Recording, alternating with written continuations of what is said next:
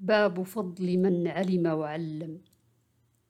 عن أبي موسى عن النبي صلى الله عليه وسلم قال مثل ما بعثني الله من الهدى والعلم كمثل الغيث الكثير أصاب أرضا فكان منها نقية قبلت الماء فأنبتت الكلأ والعشب الكثير وكانت منها أجادب أمسكت الماء فنفع الله بها الناس فشربوا وسقوا وزرعوا وأصاب منها طائفة أخرى.